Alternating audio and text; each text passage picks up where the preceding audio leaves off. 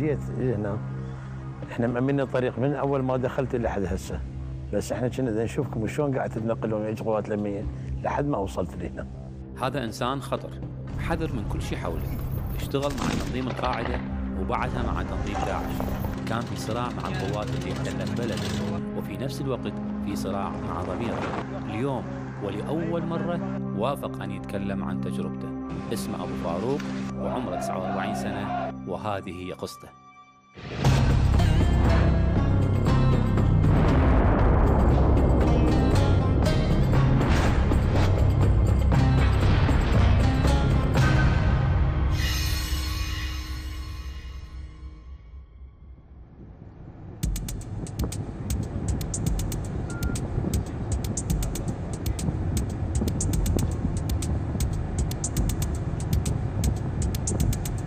إحنا حاليا قطعنا ثلاث أربع مكانات وثلاث أربع وسطاء إلى أن وصلنا إلى هذا المكان اللي هو المفروض الموعد به الآن إحنا ننتظر أكو شخص حسب الاتفاق بالتليفون يجينا اليوم إنه هو اللي ياخذنا إلى آه، الضيف. اللي هو هذا المكان اللي هو اختاره طبعا أبو فاروق وهو أعتقد قريب على يعني مناطق الفلوجة وهاي المناطق اللي يتواجد بها ضيفنا. وإحنا الآن ننتظر ال- الشخص اللي هو يوصلنا إلى أبو فاروق. هل الترتيب الأمني وهالحرص هذا وهاي الأسماء الحركية وهاي الكودات اللي وصلتنا إلى هذا المكان هي جزء من آه، خوفه على نفسه من أنه ينكشف اسمه أو ينكشف مكانه. الكادر يعني بدأ يتحسس من بعض التفاصيل لأنه يعني القضية لا حد ما. يعني تبدو إنه غير طبيعية من ناحية الاحتياطات من ناحية المكان من ناحية يعني أكو أشياء مجهولة ما نعرفها لكن إحنا مستمرين فشوية ويجينا الشخص هذا ونكمل اللقاء داخل المكان اللي هم يختاروه. أبو فاروق هو شخص ينتمي إلى تنظيم القاعدة وداعش فيما بعد. اشتغل وياهم في الجانب المعلوماتي وانشق عنهم لأسباب كثيرة. تعرض إلى التهديد والقتل لأنه تحول من معسكر إلى معسكر آخر.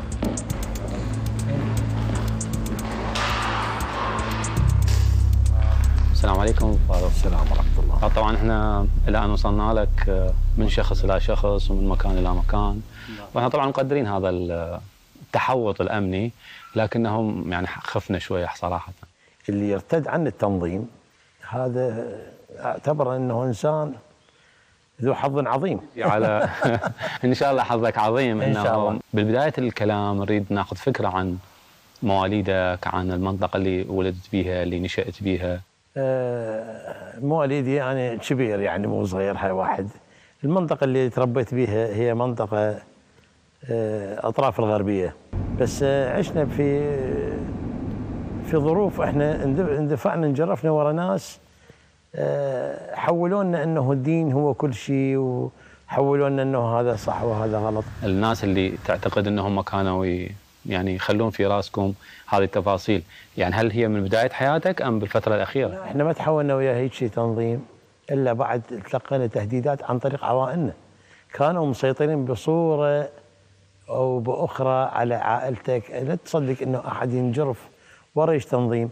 أول مرة يهددوك بس بعدين أنت من تشوف نفسك أنت بعد دخلت وياهم راح يقول لك أنت دخلت ويانا باللعبة. ما طول دخلت ويانا باللعبة خلاص أنت انتهيت. انه كان عندك أحلام أخرى آه، تختلف عن ما وصلت إليه اليوم؟ طبعا كل إنسان عنده أحلام بس الواقع اللي كنا نعيشه اللي هي ظروف الحرب وحرب وحرب وحرب وحرب. فمن السهولة يجي جدا يقول لك يقول لك هذا أنت بعد خلص يعني فاتك ما فاتك. يعني الظرف يحتم نعم. الظرف يحتم نعم. تحويل نعم نعم نعم الظرف. أين تحول أبو فاروق؟ طبعا أبو فاروق الاسم البديل. نعم. لأنه عندك تحوطات أمنية على أسمك نعم. الحقيقي اللي ما انطيتنا نعم. أين حدث التحول في حياة أبو فاروق من الإنسان ذو الأحلام البسيطة المعقولة صاحب العائلة إلى المجاميع المتطرفة؟ فكل المجاميع المسلحة اللي كانت قاتلت قاتل تحت اسم قتال المحتل وفرض بعدين تحول من قتال المحتل إلى قتال معاونة المحتل أو اللي جاي ما بعد المحتل. اللي هي الجيش والشرطة. الجيش والشرطة وما شابه ذلك. بعدين يقول لك قتال الميليشيات. يعني كان عندكم عملية إفتاء مستمرة؟ نعم. دخول الأمريكان إنه أنت تعرف هي قتال المحتل واجب. وهم دخلوا بتصف التحرير. بعدين علنوا وقالوا إحنا محتلين. هو إذا يقول لك أنا محتل بعد يعني فما أعتقد يعني محتل ما حد يسكت عليه. خلاص بعد زين ما سكتوا عليه. نعم. هل كنتم آه، منظمين إلى درجة كونكم مجاميع وذو قيادات؟ لو كنتم مجرد شباب بالمناطق كل واحد يقاتل في منطقته. أول ما بديناها الشباب بالمناطق. دفاع عن مناطقنا بعدين دخلت مجاميع قامت تضخ آه، تمويل. من ضخ التمويل بعدين قاموا يعطون أوا... يعني إفتاءات بعدين من الافتاءات أوامر. يقول لك إحنا من نعطيك فتوى أمر نفذ ثم ناقش يعني كان عندكم مساحة للمناقشة؟ لا. لأن إحنا اللي نعرفه عن تنظيم انت يعني ما متورط يناقش. أنت متورط فلازم تنفذ. يعني أنا من صارت الرده عنهم أو أو من صحيت. أه فجروا بيتي. أثناء تواجدك معهم أو أثناء انضمامك لهم أنت ومجموعتك. طبعا عندك مجموعة صح؟ أنتم مو واحد. إحنا شبكة خليه معلومات. بأي طريقة تم إقناعكم بالدخول إلى هذه التنظيمات وتتحولتوا من مجرد مقاومين مجموعة شباب في المناطق تقاومون؟ يعني كيف؟ يعني هل اغروكم بالمال؟ اغروكم مهم. هسه إحنا مثل ما نسمع انه عن النساء وعن الجنة فكيف تم إقناعكم؟ أنت عليك بس تروح تجيب لي يعني مثلا اكلفك بعملية إنه تجيب لي أخبار من كذا مكان. شنو اللي أغراك أبو فاروق؟ يعني صراحة. اللي أغراني المادة. كانت مجزية؟ إي نعم. يعني ما كنت تحصل تقدر تحصل نفس المبلغ في شغل آخر؟ لا. لكن كنت معرض لخطر القتل. إحنا الموت عندنا مبدأ الموت هو مبدأ واحد. أه يعني ما أكذب عليك أقول لك إنه والله أنا كنت أشتغل للدين وما ما هاي هاي الكذبة كذبة الدين. اكتشفتها مؤخرا وقمت أضحك مو على على الناس أنا كنت أضحك على نفسي. ال- القرآن عندهم آه، عبارة عن فتوى أي شيء تريد. يقول له أريد فتوى على فلان إنسان بس هو صايم مصلي متقي الله ما أدري شنو بس أنا أضوج منه بس أنا بالتنظيم ذاك مو بالتنظيم. راسا يطلع لك فتوى وراء دقائق معدودة. يطلع الفتوى وتتحول إلى تنفيذ إلى فعل؟ فتوى ويقنعك إنه هاي الفتوى حقيقية. يعني مثلا أقتلهم إي نعم. هجرهم أنا ما, ما أنا ما اشتركت. الحمد لله والشكر. إيدي سليمة نظيفة يعني. أعلم. إيه خليه جمع المعلومات تكون على دراية كبيرة جدا. من كل الأمور اللي تصير. يعني خليه معلومات. يعني هسه معلومات مثلا هسه نعم. يعني هسه إحنا نريد نهجر هذا البيت. غير على أساس معلومات؟ لا هاي مال تهجير مال البيوت هاي شغلة يعني بسيطة هذه. أكو شغلات اضخم إحنا نحكي على الأفضل. هاي الاضخم إحنا نريد الأفضل. هاي الاضخم تلتزم وراء رجال في في الحكومة هسه حاليا. رجالات بالحكومة. نعم. كانوا مشتركين بالعمليات؟ هي نصفين. النصف الأول نقول لك من جماعة السمو نعم. الجماعة الأولى. لهم دراية وعلم بكل الأمور والتطورات اللي حاصله بمناطقهم كل. أوكي. والجهة الثانية أيضا كذلك نفس الشيء. كلها على دراية وعلم. يعني لهم مصلحة ب نعم نعم مصلحتهم.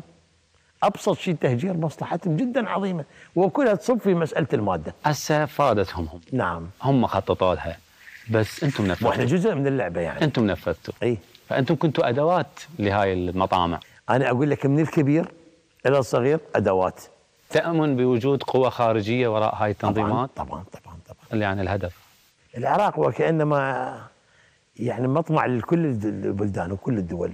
إنه بعد أن تحولت من الإنسان العادي الإنسان البسيط إلى إنسان آخر. كيف كان رد فعل عائلتك؟ ما حد ما يعلم. نشاطاتك كلها؟ ما يسألوك هاي الفلوس منين؟ آه، مو هي قابليات. أنا هسه أقدر أتلون وياك بأي شيء. على فكرة يعني فتوى من التنظيم سوى لي كمين الكمين أنا كنت متجه إلى ديالة عندي شغل في ديالة. مسكون على طريق الغالبية. فقالوا هسه إيش راح يخلصك؟ والناس اللي تطمع بالمادة فيعلنون على رأسك جائزة. رادوا يدزون راسي لعائلتي. وهذا هو النيشان على ما أظن تشوفه. نعم مبين إيه. إي. إيه يعني هاي رادوا يذبحوك؟ إي. فحط يذبحني. قال لي هسه إيش فادك اللي رد عنه؟ قلت له ما فادني شيء الحمد لله والشكر، أنا ما حسيت من قوة حدة السكين من قوتها من كثر ما حاده يعني. ما حسيت بيه من ذبحني يعني. فمن دي يتكلم وياي أنا دا أتكلم وياه يعني. خضعت لهم؟ رجعت وياهم؟ طبعا. طبعا لازم أخضع. لأنه أول شغلة أنا حطيت قدام عيني آه اللي راح يطلع ورايه أنا لو كان إنه انذبح وأنقتل أوكي مو كل اشكال بس اللي راح يطلع وياي راح ينقتل. اللي هم عائلتك؟ عائلتي. بعد ضغطهم المالي وضغطهم بالتهديد. إيه،. أيضا الضغط الآخر اللي هو خوفك إنه تروح للقوات الأمنية نعم. وما يصدقون بيك. نعم. فتضطر أنت ميت ميت تشتغل لحد ما تنتهي سالفتك وتنتهي خلاص. التنظيم من كان داخل بوكه. فيدخل إنسان ما متلقى أي شيء. يدخل يندلون بيته يعرفون من أمه وهم يجيبون معلومات على بيته. وهم داخل السجن. وهم داخل السجن. هم متنفذين جدا حتى داخل عندهم السجن خطوط خارج. السجن نعم. فأكو مدارس خاصة يعلموك الإفتاء. التسليح. كان هناك أطفال معاكم في التنظيم؟ لا تجنيد الأطفال تجنيد سهل جدا. من ينفذون بحكم واحد يعلنون عنه بشارع. إحنا راح نقتل كذا المرتد كذا كذا. هيك عدو الله من هالكلام هذا. فتعرف أنت طفل من يشوف هالشكل يظل